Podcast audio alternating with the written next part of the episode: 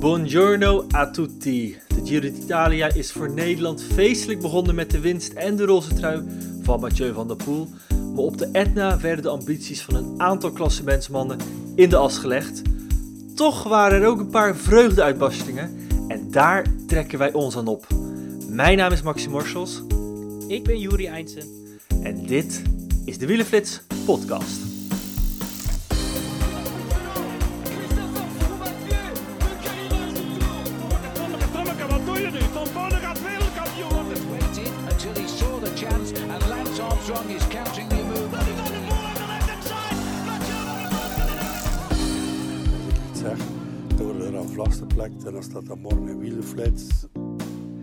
Ja, de eerste week van de Giro eh, staat in de boeken. Een veel bewogen week geweest met eh, dus groot Nederlands succes van Van der Poel.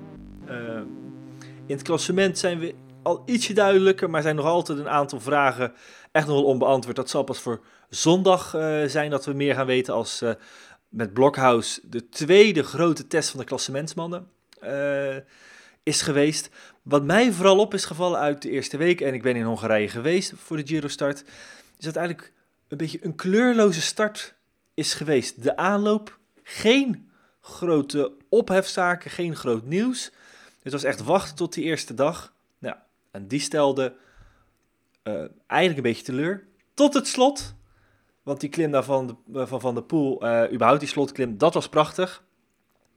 Maar ja, de ritten in Hongarije zijn niet echt het allergrootste reclame voor de sport geweest. Toch, Juri?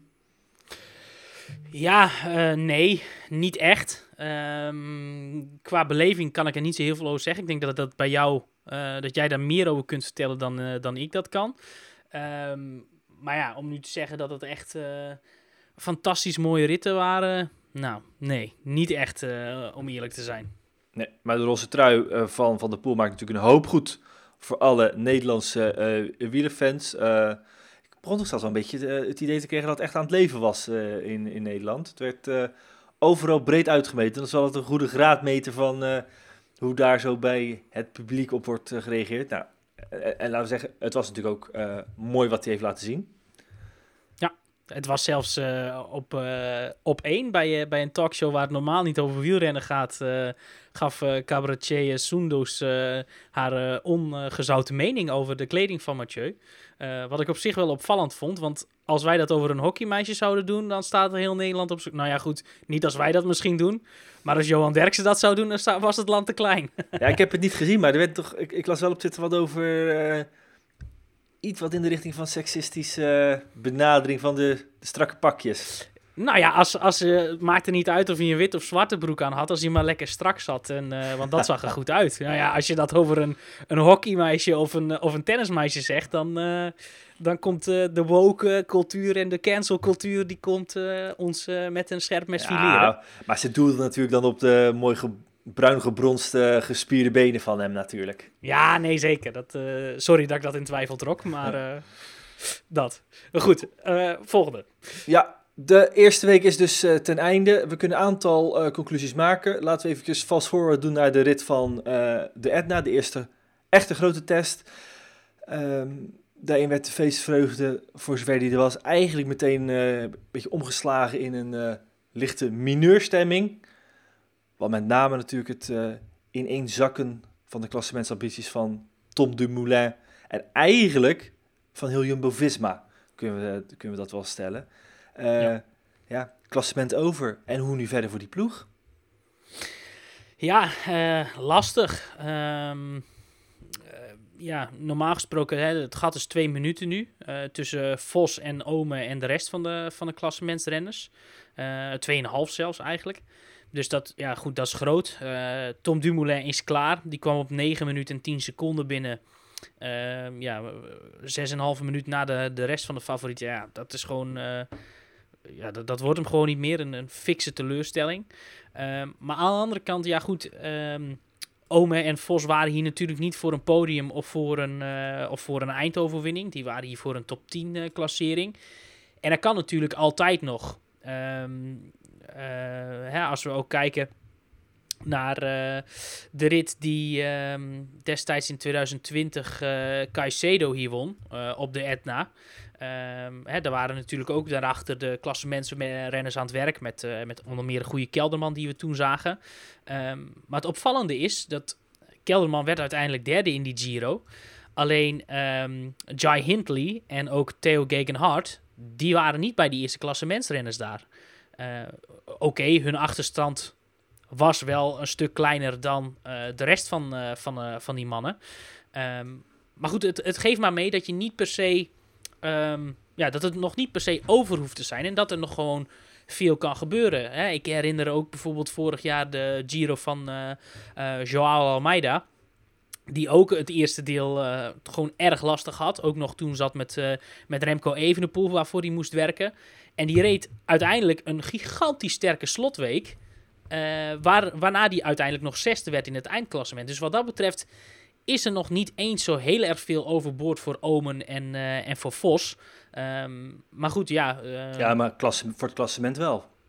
Nou ja, waarom? Ik bedoel, ik denk als, als, als je ziet wat Almeida vorig jaar gepresteerd heeft, die ook in die laatste week eigenlijk nog van de vijftiende plek naar de zesde plek oprukt. Ja, zoiets kan natuurlijk voor Omen en Vos ook. En als die zesde worden in de Giro, is dat denk ik een prima resultaat. Dus wat dat betreft wil ik nog niet meteen zeggen dat, eh, dat alles over is. Eh, maar goed, dat, dat ze een eerste klap in het gezicht hebben gekregen, dat mag duidelijk zijn. Ja. Kijk, werd ook al, eh, eh, las ik hier en daar, eh, verwezen naar Theo Gegenhardt in 2020. Die begon toen ook met flinke achterstand na de Etna. Won uiteindelijk de grote ronde. Maar ja, die stond op achterstand doordat hij eigenlijk moest wachten op eh, Geraint Thomas. En niet omdat hij nou, over wat mindere benen beschikte. En, Nee. en ja, sprake van wachten is er natuurlijk nu niet geweest dit jaar. Dus die vergelijking vond ik eigenlijk niet, niet helemaal opgaan. Ja, vanuit de achterhoede. Je kunt, ja, je kunt natuurlijk stellen, het kan eigenlijk alleen nog maar beter gaan. Nou, het kan ook nog slechter gaan. Maar Ja. je hebt in ieder geval eh, de druk van het, een klassement vast te houden is niet. Je kunt natuurlijk nog door mee te springen met een vroege vlucht. eh, op die manier weer tijd terug te pakken. Ja, of vanaf nu constant doorrijden en wetende dat er natuurlijk uit het huidige klassement echt nog wel wat, men, wat renners gaan wegvallen. Of door Ja. het ijs gaan zakken. Ja, ja, nee, ja, goed, dat is, dat is afwachten. En ik denk dat we, hè, het is nu eh, donderdagmiddag, ik denk dat we na zondag, na Blokhuis, eh, een stuk wijzer zijn over hoe de krachtsverhoudingen er helemaal eh, uitzien op dit moment. Ehm, maar goed, ja, ehm, eh, ik, ik ben, ben nog een beetje voorzichtig. Ik zal niet Ja. meteen zeggen dat alle hoop voor een eh, ja, goede klassering in het eindklassement meteen eh, ja, weg is. Ja, ik heb eigenlijk van eh, Tobias Vos eigenlijk nog weinig gelezen over hoe hij nu naar de huidige stand kijkt. Want als je naar de andere mannen kijkt, Dumoulin, oeh, dat vond ik niet best hoe die eh, in het interview staat. Dat was, nou ja, eh, echt een beetje met de ziel onder de arm. Fietst hij rond, zegt ook, ik heb wel een aantal dagen nodig om, om van die inzinking eh, te bekomen. Ome zag ik eigenlijk nog dat hij best wel vooraan mee sprintte in, in de sprint van Messina, die de Maar won. Kwam er echt eh, nou, ergens in de 20ste positie, eh, tussen de 20 en de 30, volgens mij over de streep. Ja, en dan zie je dan later van dat hij kort daarna eh, ter val is gekomen. En ja, nu ook pijntjes heeft. Dat is ook niet goed voor het moraal. Dus ik ben wel heel benieuwd van wie, wie zijn de grappenmakers in de ploeg? Hoe kunnen ze dit ja, zorgen dat wel die sfeer een beetje goed blijft daar? Nou ja, goed, ik denk dat, dat wat dat betreft Pascal Eekhoorn wel een, een gangmaker is die dat, die dat kan. Eh, rijdt zijn eerste grote ronde, dus misschien is dat nog een beetje dat hij de kat uit de boom kijkt. Maar dat is natuurlijk wel een beetje een, eh, nou ja, een, een grapjas, om het zo maar te zeggen. Eh, maar ik heb ook wel gehoord dat aan tafel de sfeer niet, niet per se slecht was. Ehm, en ja, goed, het is ook wat het is. Hè? Kijk, je kunt hier dagenlang bij stilstaan, dagenlang over treuren. Maar die twee minuten of die negen minuten of zo, of, ja, die, die komen daar niet mee terug, zeg maar. Eh, natuurlijk is het lastig, want ze hebben allemaal hard gewerkt om, eh, om goed te zijn in deze Giro. Maar ja, ehm, dat harde werken, en dat zegt ook Mark Ja. Reven in een interview met ons, dat, dat mag niet verloren gaan. En kijk, de, de cijfers zullen uitwijzen dat ze goed zijn. En nu dat klassement een stuk lastiger wordt voor Ome en Vos en ja, weg is voor Dumoulin, ja, ehm, kan het natuurlijk eh, altijd nog via een andere manier een succesvolle Giro worden. En, en Ja. daar moeten ze zich nu aan optrekken. Het is ook wel even een reality check voor de ploeg. De afgelopen rondes altijd eh, zeer sterk. Ook eh, met klassementen al vroeg iemand eh, vooraan om, om voor te werken. Ja, dat is nu in één klap ja, weggeslagen voorlopig. Ja. Ze zijn Ja, meer de ploeg die de, die de lakens uitdeelt in ieder geval. Nee, nee, dus ik ben wel benieuwd hoe dit gaat. Want ze moeten dus nu ook inderdaad anders koersen. Niet meer de controle houden, maar gewoon ja, ouderwets de aanval gaan zoeken. En ja, goed, dan kan er natuurlijk best nog wel wat mogelijk zijn uh, voor een aantal renners. Ja, en wat adviseren we Dumoulin? Als in voor deze Giro? Ja. Nou ja, gewoon uh, proberen om zijn om ritten uit te zoeken. Kijk, uh, in het verleden, voordat hij echt topklassementsrenner werd, heeft hij ook gewoon zijn ritten uitgezocht. En en ik, ik meen me nog die ritzegen op Arcalis was dat volgens mij, of, of in Andorra, in de stromende regen. Ja. Ook was een fantastische bergetappe. Ja goed, Dumoulin kon dat wel. En als hij dus echt nog steeds de waardes heeft die hij toen had, ja, waarom zou dat dan niet nu ook niet meer kunnen? Dat, daar geloof ik niet zo in. Ik denk dat hij in staat is met zijn, met zijn klasse, want laten we dat uh, vooral uh, niet vergeten dat hij dat nog altijd heeft. Ja, uh, moet dat gewoon ook tot de mogelijkheden behoren. En is het nu gewoon, ja, kijken waar je zoveel mogelijk energie kunt sparen en dan proberen om, om een rit zege te boeken. En uh, natuurlijk die allerlaatste dag. Dat is een gouden kans hem. De afsluitende tijdrit naar Verona. Dat is nog heel ver weg. Maar ja, ja ik deed, moet wel gelijk terugdenken aan de laatste keer dat hij er was. Toen werd dat gewonnen, verrassend toen, door Chad Haga. Ja, en die kon gewoon de laatste dagen, deed hij rustig aan. Wetende dat hij alles op die tijdrit kon zetten. Daar waren de klassementsmannen, ja, die derde week is, is dodelijk zo zwaar dat er, uh, ja, die moet iedere dag vol, vol aan de bak. Ja, je zou dan nee, echt uh, rustig aan doen, dat bestaat natuurlijk niet in zo'n Giro, maar wel, wel ja, wat, wat vroeger laten lossen. Puur op dat herstel uh, gaan fietsen, zodat je ja. zo fris mogelijk aan die slotdag bezig kunt zijn. Ja, dan kan je, ligt echt een, een, een Giro-rit enigszins voor het grijpen, want heel erg veel concurrentie van tijdrijders is er niet. En de klassementsmannen die ook goed kunnen tijdrijden, ja, Yates gaat daar nooit zo fris aan de start kunnen staan in Carapaz als, uh, als Dumoulin. Nee, klopt. Dus dat is ook nog een hartstikke mooi iets om, uh, om naartoe te leven. Maar je moet wel twee uh, weken nog heel veel afzien. Ja, daarom. En weet je, kijk, hij heeft natuurlijk altijd met bewondering naar Van der Poel gekeken. En, en Mollema is ook iemand die... Tom is natuurlijk een hele intelligente iemand. dat is Bauke Mollema ook. Kijk, het kan ook best zijn dat die ergens gaan sparren en...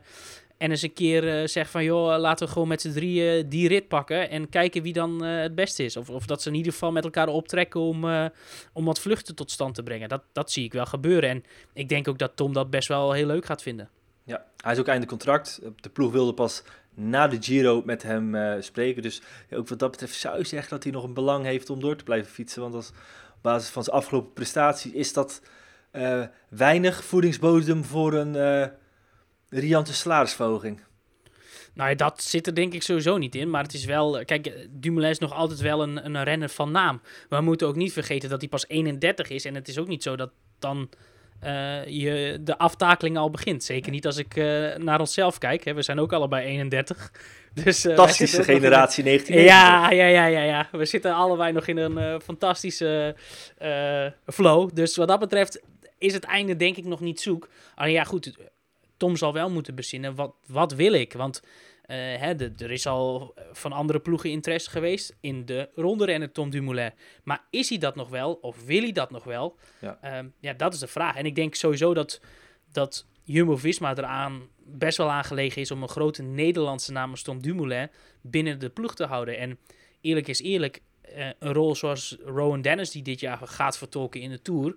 Um, ja, dat, dat kan ook prima voor Dumoulin. Dat hij misschien in een grote ronde niet meer top is. Ja. Wil niet zeggen dat hij in rondjes als Romandie of, of de Benelux Tour of de Ronde van Polen, dat soort wedstrijden waar een tijdrit in zit, dat hij daar ja. ook maar meteen niet meer vooruit komt. Dat, ja, goed. De cruciale vraag is uh, bij hem natuurlijk ook, wil hij het? Ik bedoel, Geesink vind ik ook uh, wel een, een, een zeldzaam goed voorbeeld van een renner die ja, jarenlang kopman is geweest en daarna met veel plezier is gaan schikken in een rol als uh, in, een dienende, in een dienende rol.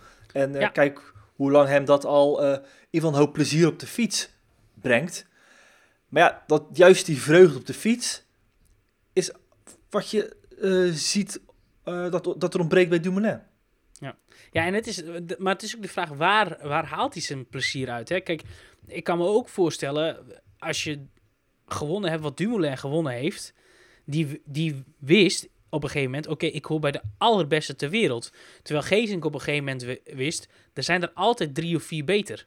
eh, in zijn generatie. Hè? De Contadors, de, de Frooms, de, eh, de Nibalis toen nog.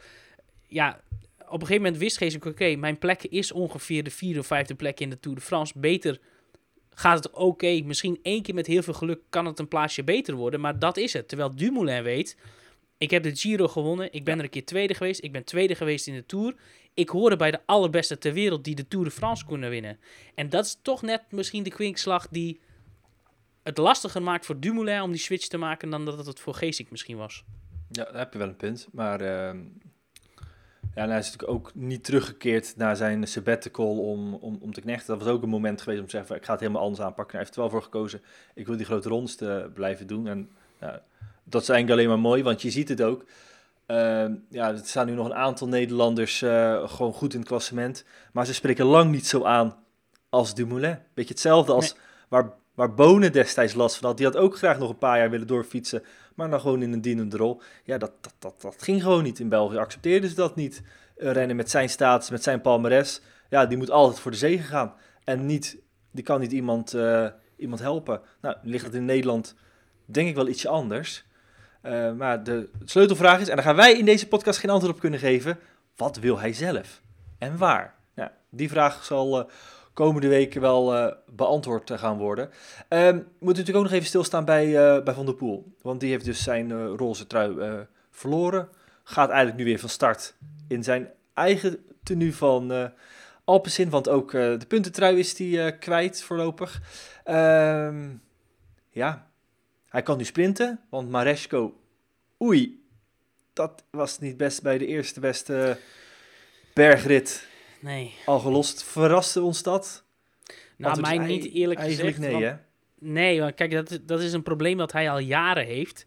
En eh, ik vond het sowieso opvallend dat, eh dat Alpecin Fenix het met hem wilde proberen.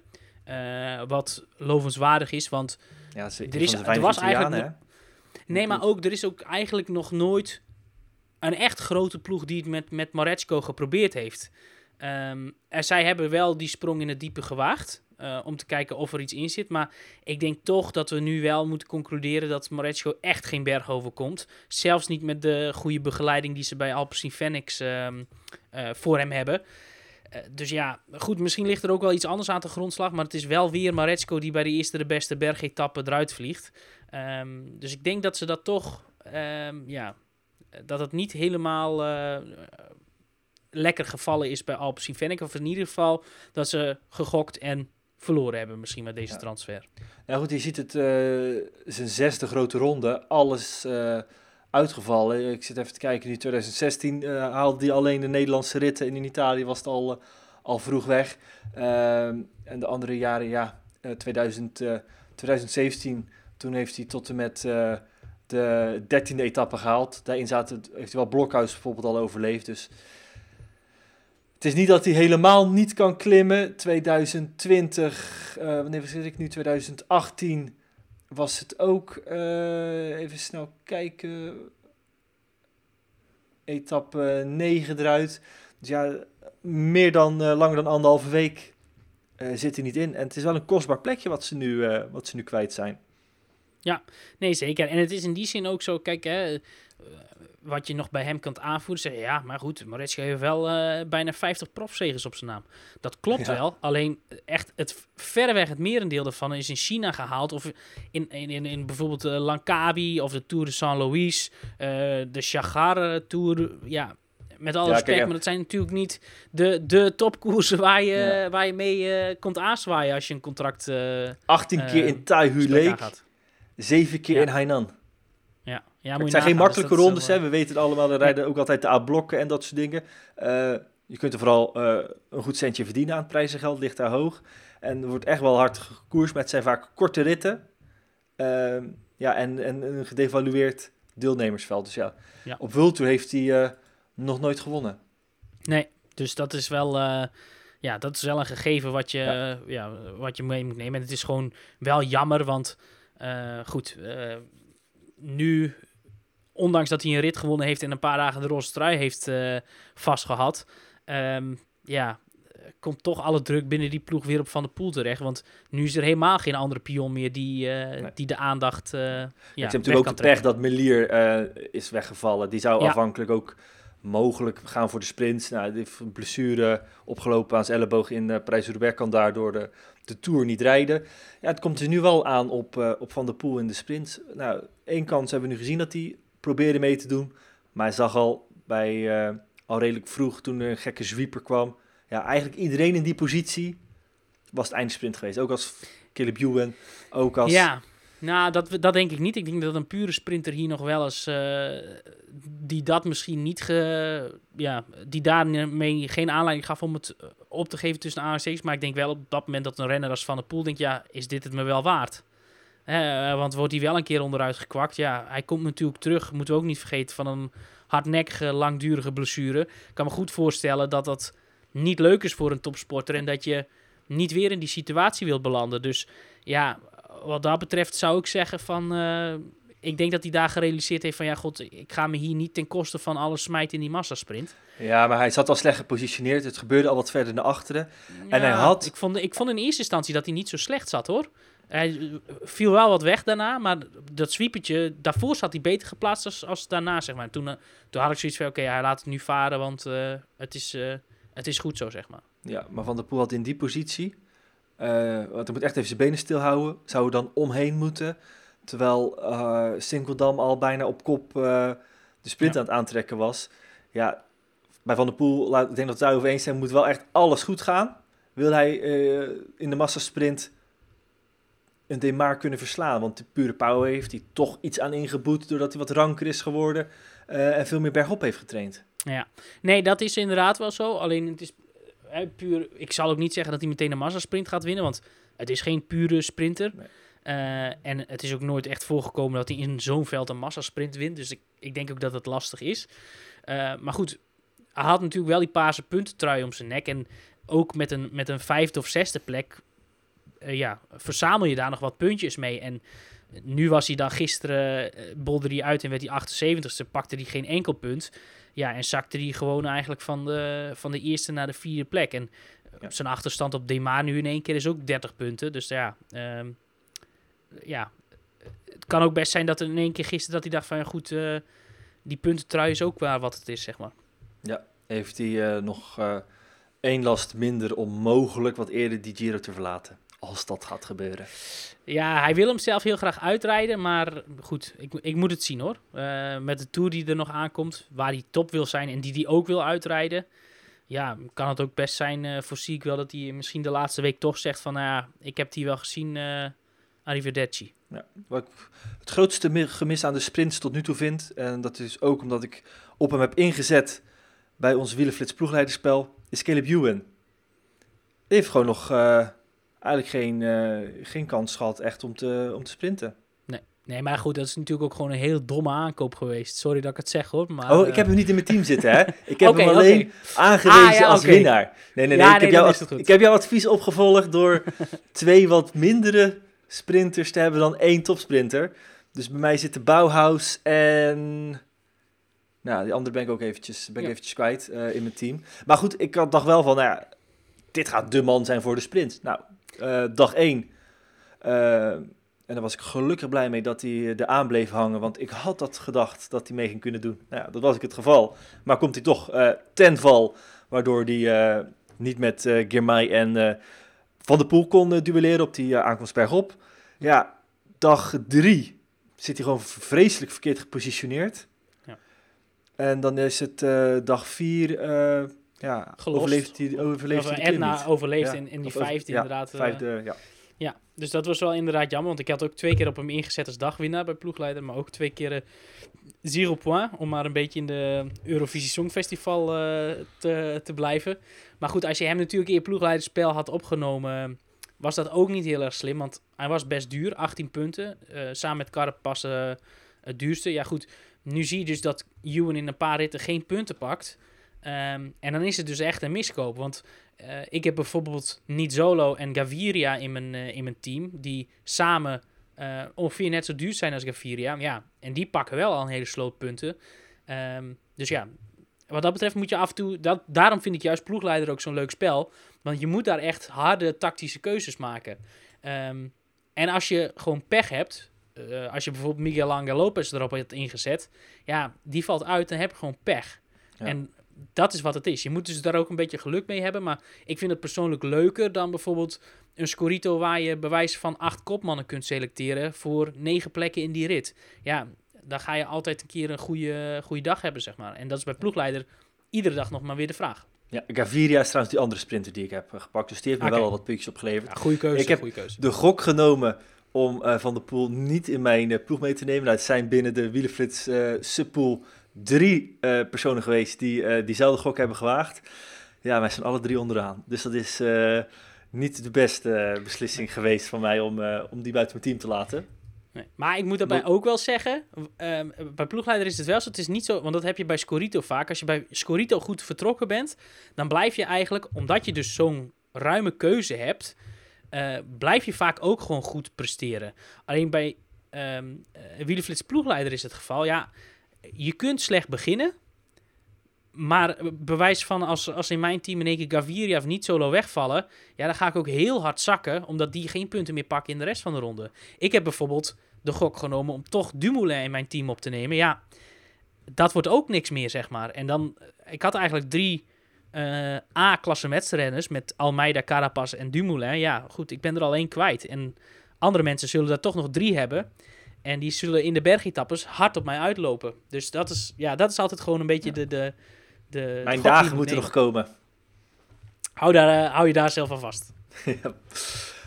um, laten we even kijken naar de klassementsmannen. Zondag is de eerstvolgende ja, gegarandeerde showdown van de klassementsmannen. Misschien nog wel uh, twee dagen daarvoor. De rit van vrijdag is ook een verraderlijke. Dat is zo'n overgangsetappe.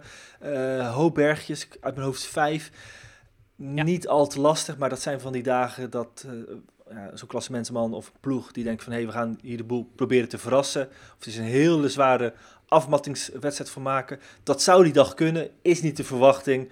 Uh, want ja, uiteindelijk uh, kun je beter misschien die energie sparen, want die ga je zondag echt wel nodig hebben.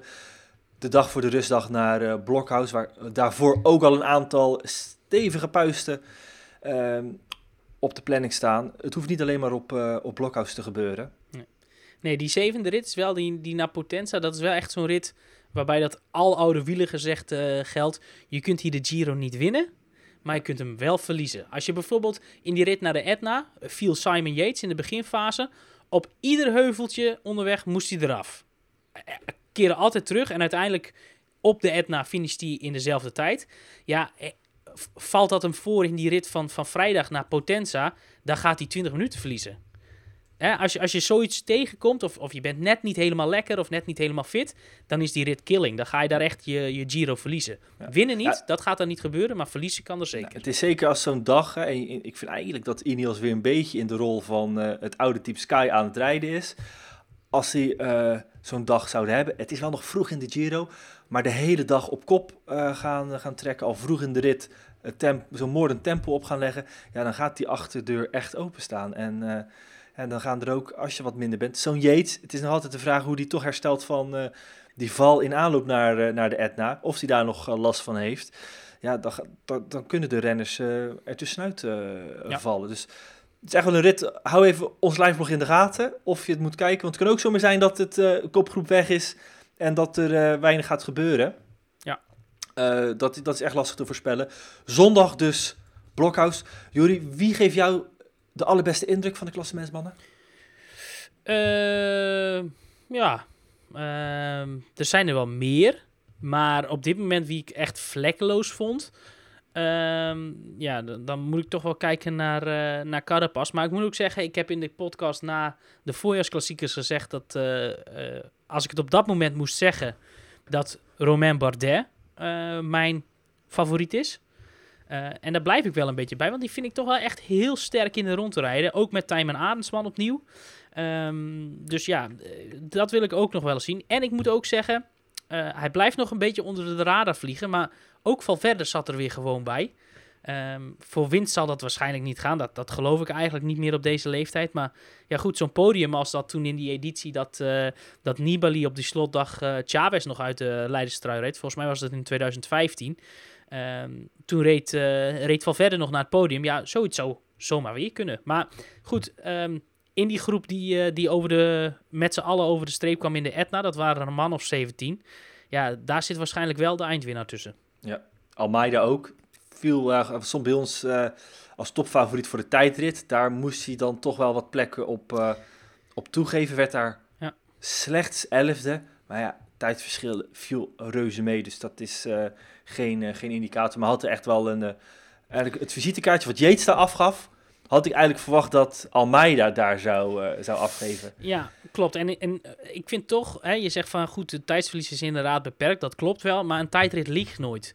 En Almeida is gewoon een goede tijdrijder. Er waren hier mannen die voor hem eindigen, waarvan ik dacht van, een Almeida in topvorm had daar voor moeten eindigen. En ja. ook die aankomst naar Visegrad, dat was ook voor een explosief type als dat hij is, een heel goede aankomst. En daar was hij ook slechts veertiende. Ja. Ik weet het niet. Kijk, het zijn wel, hij werd er elfde. Hij had er ook uh, tiende kunnen staan, want hij, met, met zijn drieën moesten ze 18 seconden toegeven. Uh, en is het ja, net iets meer dan uh, 1 kilometer per uur trager over het hele traject. Ja. Op een inspanning van 11 minuten 50. Maar goed, doe dat cumulatief en de verschillen worden dan wel groter als je dat doortrekt. Dus ja, daarin, laat ik zeggen ik had verwacht dat hij naast Carapaz zou staan. Ja, ik ook. En, en, het punt is ook, op de Etna zeg maar, springt Carapaz nog weg op het laatst. Ja. Normaal gesproken met de explosiviteit die Almeida heeft, moet hij daar altijd in het wiel zitten. En dat zat hij niet. Er zaten ook nog Bardet en Bilbao tussen. Dus ik, ik ben geneigd om te zeggen dat we toch een voorteken hebben gezien van een iets mindere Almeida. Al uh, wordt dat pas op Blokhuis echt duidelijk of dat ook precies. daadwerkelijk zo gaat kan zijn. zich ook nog in die ronde groeien. We weten niet, ik weet niet precies hoe die heeft gezeten met hoogtestage en wanneer die teruggekomen is. Of dat een, hè, nog, nog iets minder is. Ja. Ik dacht wel zo van, die witte trui, dat gaan we bijna schriftelijk af kunnen doen. Dat gaat niet voor, voor de Anesman zijn. Dat is gewoon een zekerheidje voor, uh, voor Almeida. Maar nu, ik denk ja, als je ook Anesman ziet, ziet, ziet rijden. Uh, Almeida na vijf dagen... Hm, we weten het niet. Ja, dan uh, zou ik toch als, uh, als Adersman die absoluut niks wil weten van die, uh, van die witte trui. Ik sprak hem nog voor, voorafgaand en toen werd hij nou ja, bijna een beetje kribbig dat er maar steeds naar werd gevraagd. Want hij zegt, ja, ik ben hier maar met één doel. Dat is die, die podiumplek, of misschien wel de winst van Bardet. Daar ga ik alles voor in het werk stellen en eigen ambities zet ik opzij. Dat is niet mijn doel nu. Ja, ook met de wetenschap van nu dat zijn toekomst niet bij uh, DSM ligt. Ja, uh, ik, wil, ik, wil, ik wil niet oproep, een oproep doen tot muiterij, maar hey, als je dan dit ziet, dan zeg je, hoeveel kansen krijg je voor die witte trui? Ja, niet. Ik weet nog dat bijvoorbeeld Sam Omer er ontzettend van gebaald heeft dat hij uh, ja, zo'n trui nooit kon winnen. En dat hij ook de laatste keer bij Team DSM, toen hij 25 was, niet naar de Tour mocht. En dat hij eigenlijk een beetje het gevoel had dat die kans om ooit die witte trui uh, te winnen in de Tour hem, uh, hem ontnomen is. Dus uh, ja, goed, het is best wel een dingetje. En als je die toch kunt, kunt winnen, is dat, is dat leuk. Maar ik moet ook zeggen, we moeten ook de huidige roze truileider drager Juan Pedro Lopez niet onderschatten, hoor. Ik vind dat ze daar toch best wel een risicootje mee hebben genomen. Dat ze die toch, nou ja, een bonusje cadeau hebben gedaan. Want dat is gewoon echt een goede renner. Um, werd vorig jaar dertiende in de Vuelta a Spanje. Voordat hij eerst moest knechten voor Chicone. Pas toen Chicone uitgevallen is, mocht hij zijn eigen gang gaan. En werd hij dertiende in het eindklassement. Dan zeg je, oké, ja, goed, wat is dertiende in het eindklassement? Ja goed, dat gastje is nu pas 24, was toen 23. Um, en werd ook elfde in de ronde van het Baskeland. Plus dat hij daarin een van die eerste ritten een foutje maakt, niet mee zit en daardoor tijd verliest. Anders rijdt hij daar gewoon top 10. Dit is gewoon echt een hele goede renner die ze misschien wel uh, gaan onderschatten. Ik bedoel, we weten allemaal nog in 2020 toen Almeida vroeg in het roze kwam. Groot talent, maar die gingen ze er echt nog wel uitrijden. Dat gebeurde ook nog wel, maar dat duurde wel 15 dagen. Ik zal niet zeggen dat Lopez datzelfde kan. Alleen, ik wil hem niet meteen uitvlakken, zeker in die strijd om het wit niet. Nee, we hebben natuurlijk wel een sterke ploeg, maar allemaal renners met een eigen agenda. Uh, Chicone mag, uh, mag zijn eigen gang gaan. Mollema mag zijn eigen gang gaan. Skjalmoze, heeft uh, vrijgeleide gekregen om, om voor een klassement te gaan. Daar moeten dan wel een aantal renners van gaan zeggen. Uh, zou zo iemand kunnen zijn die dan toch gaat, gaat zeggen, of misschien wel de ploegorders. Oké, ik ga me ik ga werken voor jou. Maar zien wij dat Mollema en Chicone direct doen? Mollema zeker, want die is uh, in die rit naar de Etna zelfs bij Skjalmoze gebleven om te zorgen dat hij niet te veel tijd verloor. Uh, terwijl hij wel beter had gekund.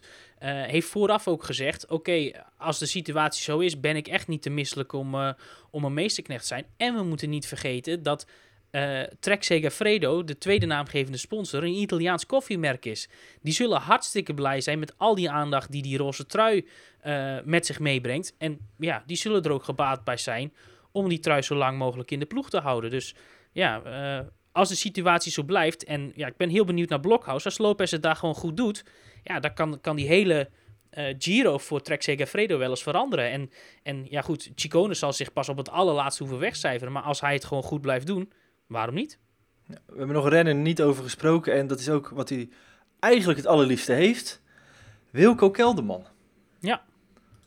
Die staat nu uh, gewoon zesde in het klassement. 1,55 van uh, Lopez. Er staat alleen maar uh, van echte klassementsmannen alleen maar Yates voor zich te dulden.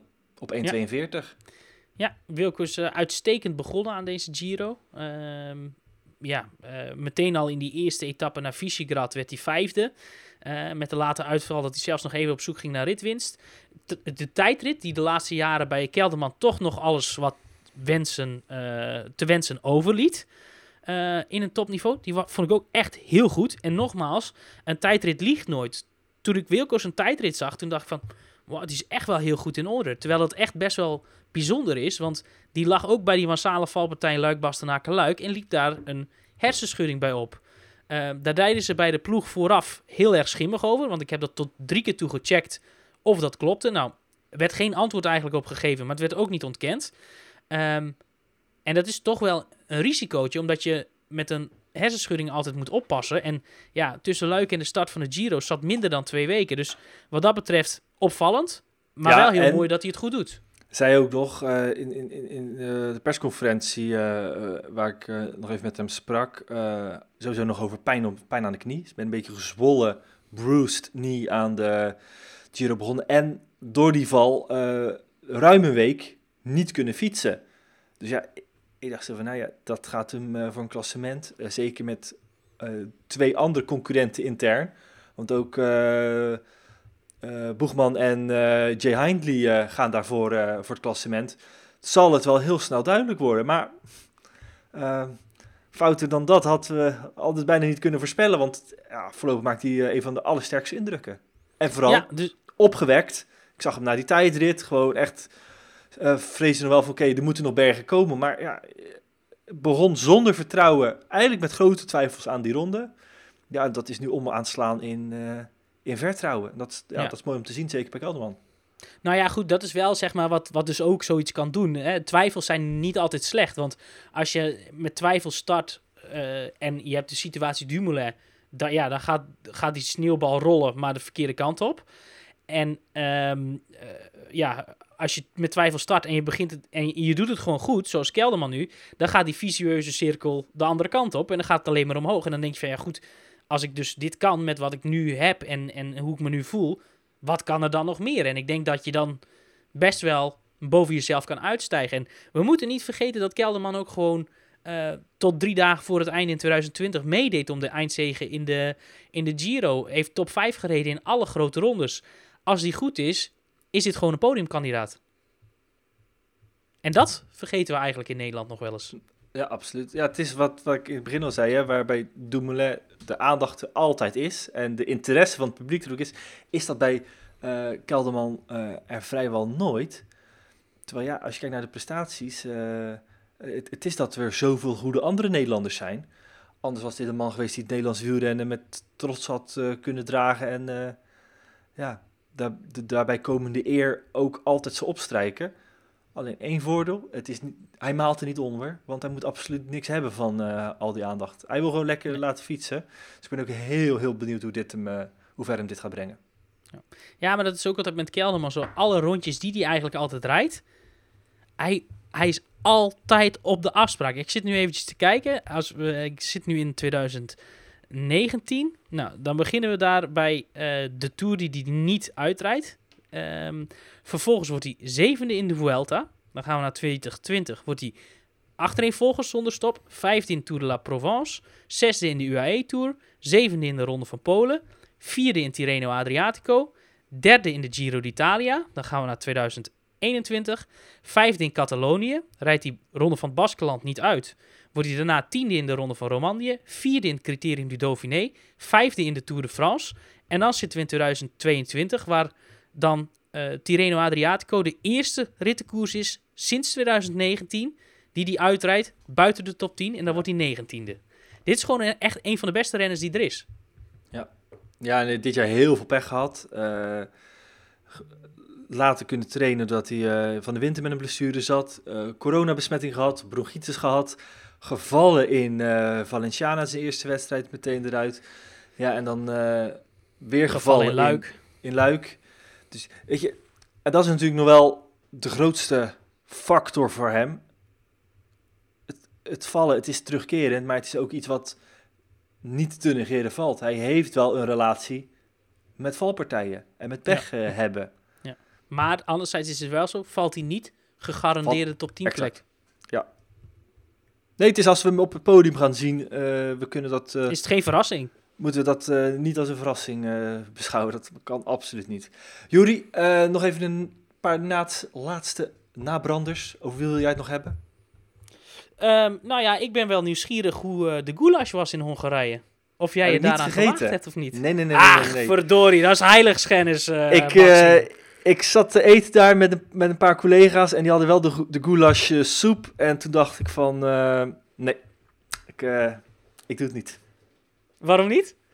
Nou, het- ik vond het er niet zo smakelijk uitzien. Ze zeiden wel dat het heerlijk was. Maar ik ben toch voor, wat had ik die avond? Ik geloof een grote kipsnitzel. En die was op zich best oké. Ja, maar dat is wel lekker, lekker Nederlands natuurlijk. Ja. Schnitzel of saté, dan is dat altijd goed. Maar eh, nee, zonder gekke, want jij bent natuurlijk altijd, dat weten heel weinig mensen, maar altijd als we naar de koers gaan, of als jij naar de koers gaat, ehm, is het eigenlijk een beetje traditie dat als we dan ergens klaar zijn om een uur of negen of tien s'avonds, dat we nog ergens naar een frietboer gaan of naar een snackbar en daar gewoon een, eh, ja goed, eigenlijk een, een beetje een friet review doen. Eh, maar ik ben wel benieuwd, hoe was de frietpatat? Nou, ja, ik moet, in het eventjes, ik moet het wel eventjes eh, nuanceren. Want kijk, jij gaat vaak met mij mee naar België. Ja, en in België kun je gewoon niet verlaten zonder toch even een Vlaams frietje te hebben gegeten. Eh, ik moet zeggen, ik heb eh, me er ook aan gewaagd in, eh, in Hongarije. Dat viel, viel een beetje tegen. Was wat aan de slappe kant. En vooral de mayo was heel erg waterig. Dus dat was, dat was niks. Ik heb zelfs voor de collega van het ANP met wie ik was...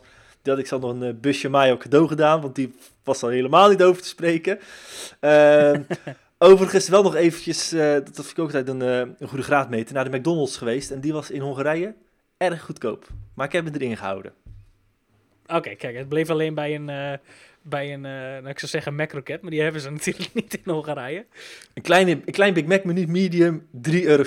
Nou, daar betaal je in Nederland toch inmiddels, maar ik geloof denk ik 7 euro voor. Dus nou ja, Ja. voor, voor de Mac-liefhebbers, sowieso voor, voor de eters. Hongarije is een goedkoop land eh, voor het uiteten. Want de sushi daar was ook uit de kunst. Kijk aan, kijk aan. En eh, nog één laatste ding. Eh, als, je een, als je toch naar de Mac gaat, als wat voor burger of wat voor menu roept het bij jou op als je denkt aan een, aan een, aan een iets ouds waarvan je denkt, ah, dat kan echt niet meer en dat het dan toch nog echt wel heel erg lekker is. Poeh, ja, ik heb altijd mijn vaste bestellingen. Dus eh, ik, ik ga daar geen antwoord op kunnen geven, Jury. Nee, Nou, ik ben ooit een keer in Zwitserland geweest. Daar hadden ze dus een, een, een burger. eh, ik weet niet eens meer hoe die heet, maar die was met, eh, met blauwe kaas. Echt, weet je wel, zo'n muffige, heerlijke, geurende, smakende blauwe kaas. Dat je echt denkt van... eh, Niks voor mij. Als, als, nee, nou ja, goed. Dat, zou dus kunnen zijn, oké, als je verkeerd raakt, denk je van... Gadverdamme, wat voor oude sok hebben ze hier op deze burger gedaan. Maar je kunt ook denken, oh, lekker oude blauwe kaas. Nou, dat was dat dus. Maar dat gevoel krijg je dus een beetje bij Mark Cavendish deze ronde. Want die is fantastisch op dreef, alweer. En we hebben hem al 80 keer afgeschreven, doet het toch weer, wint weer zijn rit.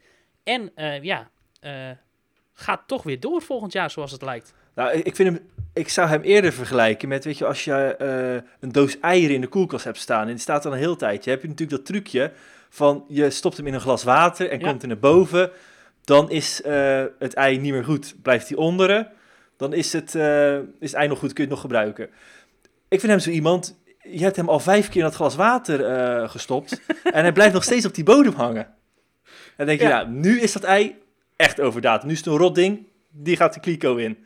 Maar nee, hij blijft misschien wel een beetje naar boven toe wijzen. Dan weet je dat het ei niet meer vers is, maar nog wel goed.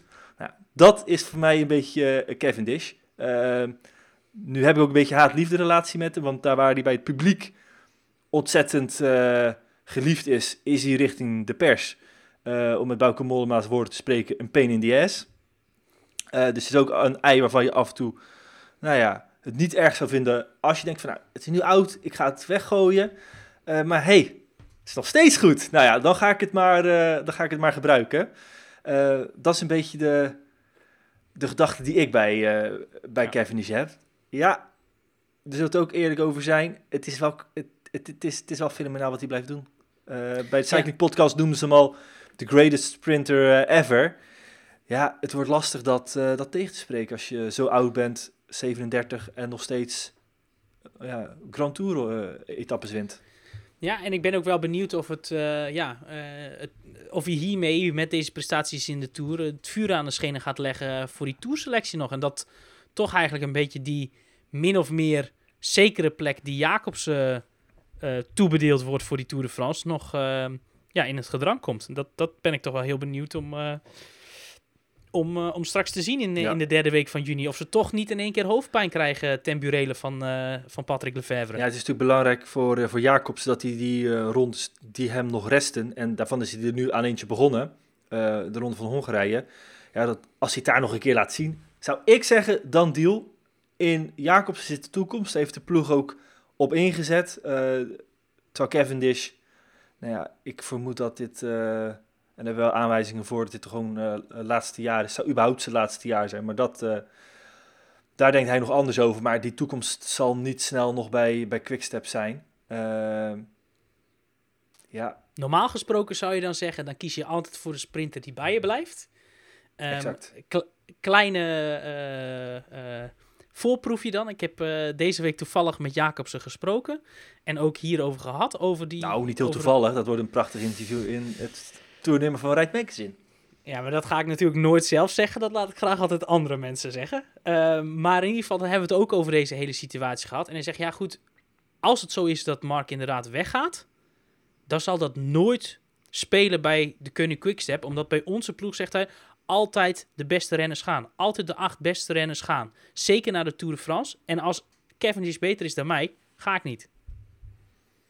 Maar, zegt hij, daar ga ik natuurlijk wel alles aan doen om dat te voorkomen zegt hij, die laatste woorden, dat daar de, het in zit. Ja, en het is natuurlijk slim en ook wel des Patrick Lefevre's om die renners nog even in onzekerheid te houden. Ze goed op scherp te zetten. Uh, ja, dan weet je dat je echt het maximale eruit gaat halen. Kijk, sprintkans 1 in uh, Hongarije is uh, niet gewonnen door, door Jacobs. Dus dat zal hem nog een stukje scherper zetten.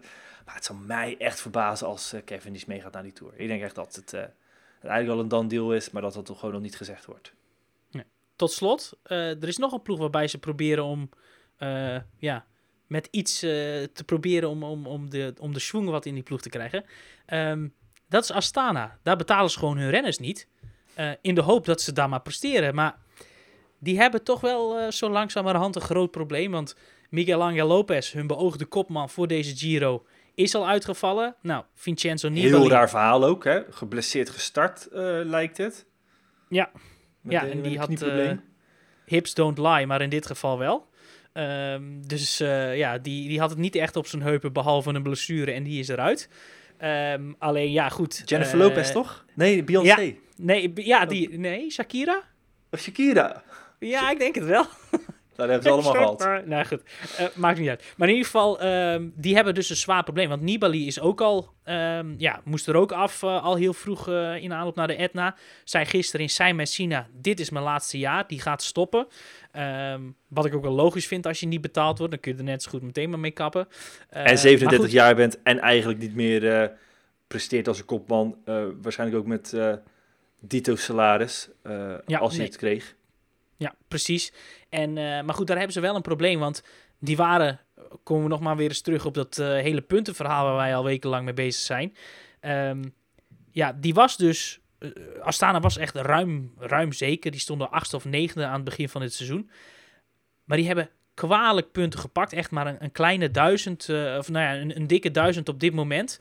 Ehm, en ja, goed, AG Duzer is al voorbij. En, en eh, DSM en ook Arkea Samsic staan nog maar op duizend punten van Astana Kazachstan. En ja, goed, die hadden met Miguel Angel Lopez, als die hier podium bijvoorbeeld had gereden, een flinke slag kunnen slaan. Maar dat gaat niet meer gebeuren. En Nibali gaat ook niet meer een rol spelen in het klassement. Het wordt daar toch ook zo langzamerhand een beetje spannend. Ja, Dus, het hele eh, voorbestaan van die ploeg eh, is een groot vraagteken geworden. eh, ook mede met het onderzoek naar de, de financiële huishouding van de ploeg. Ja, ze zijn helemaal niet met zo'n heel slechte ploeg aan de, de Giro eh, gestart. Um, om even wat, dropping eh, te doen. eh, Valerio Conti, David de la Cruz, Joe Dombrowski, Fabio Feline, nou, Angelo Lopez, daar is dus al een streep door. Vadim Pronsky, dat is denk ik nog de, de meest onbekende van ze allemaal. En Harold Tejada. Dus dat Ja. is eigenlijk een, een, een, ploeg vol etappekapers. Maar ze zijn vooral eh, hartstikke goed in de bus achter het peloton. Ja, en eh, om nog maar eens om jou, eh, op jouw eieren verhaal terug te komen. Die hebben een beetje deze Giro all eggs in the basket gedaan. Als in hierop op focus op deze Giro. Omdat in de Tour er normaal gesproken tegen Pogacar en Roglic niet heel veel te beginnen is. Ehm, hierop ingezet om hier juist ook veel punten te scoren. Maar ja, als je dan je kopman al, eh, al wegvalt naar, eh, naar nog geen bergetappen te hebben gehad. En ehm, eh, je, je semi-kopman in Nibali, die waait er al heel vroeg af. Ja, dan heb je wel echt gewoon een groot probleem. Hetzelfde probleem is als bijvoorbeeld Yates nu in één keer erdoor zakt. Zal ook Bike Exchange een heel groot probleem hebben. Nog een groter probleem. Want die staan op dit moment op de laatste veilige plek 18. Nee, dat is waar. Al goed, dan moet die tour natuurlijk nog komen waar eh, het een en ander kan gaan eh, gebeuren. Eh, maar nee, daar heb je helemaal gelijk in. Goed, Jury. We gaan de week 2 in van de Giro. Volgende week zijn een aantal van de vragen die bij ons reizen beantwoord. En dan gaan we het daar in een nieuwe aflevering eens even bij stilstaan. En natuurlijk al hetgeen wat in de tussentijd nog de revue zal passeren. Ehm, op Wielerflits hoef je de komende weken niks te missen. Iedere dag ons liveblog al vanaf 8 uur 's ochtends eh, online. Iedere dag verslagen, voorbeschouwingen en eh, het nieuws vind je bij ons. En we zijn de laatste hand aan het leggen dus aan het eh Rijd Zomergids. Met onder andere veel aandacht voor die Tour de France. Die is al online te bestellen in de pre-order. Check daarvoor dus rijdmagazine.nl. Dank voor het luisteren. Geniet van de Giro d'Italia, want er staat echt een hoop moois te gebeuren. En Juri, wij zijn er volgende week weer. Gaan we doen. Ciao, ciao.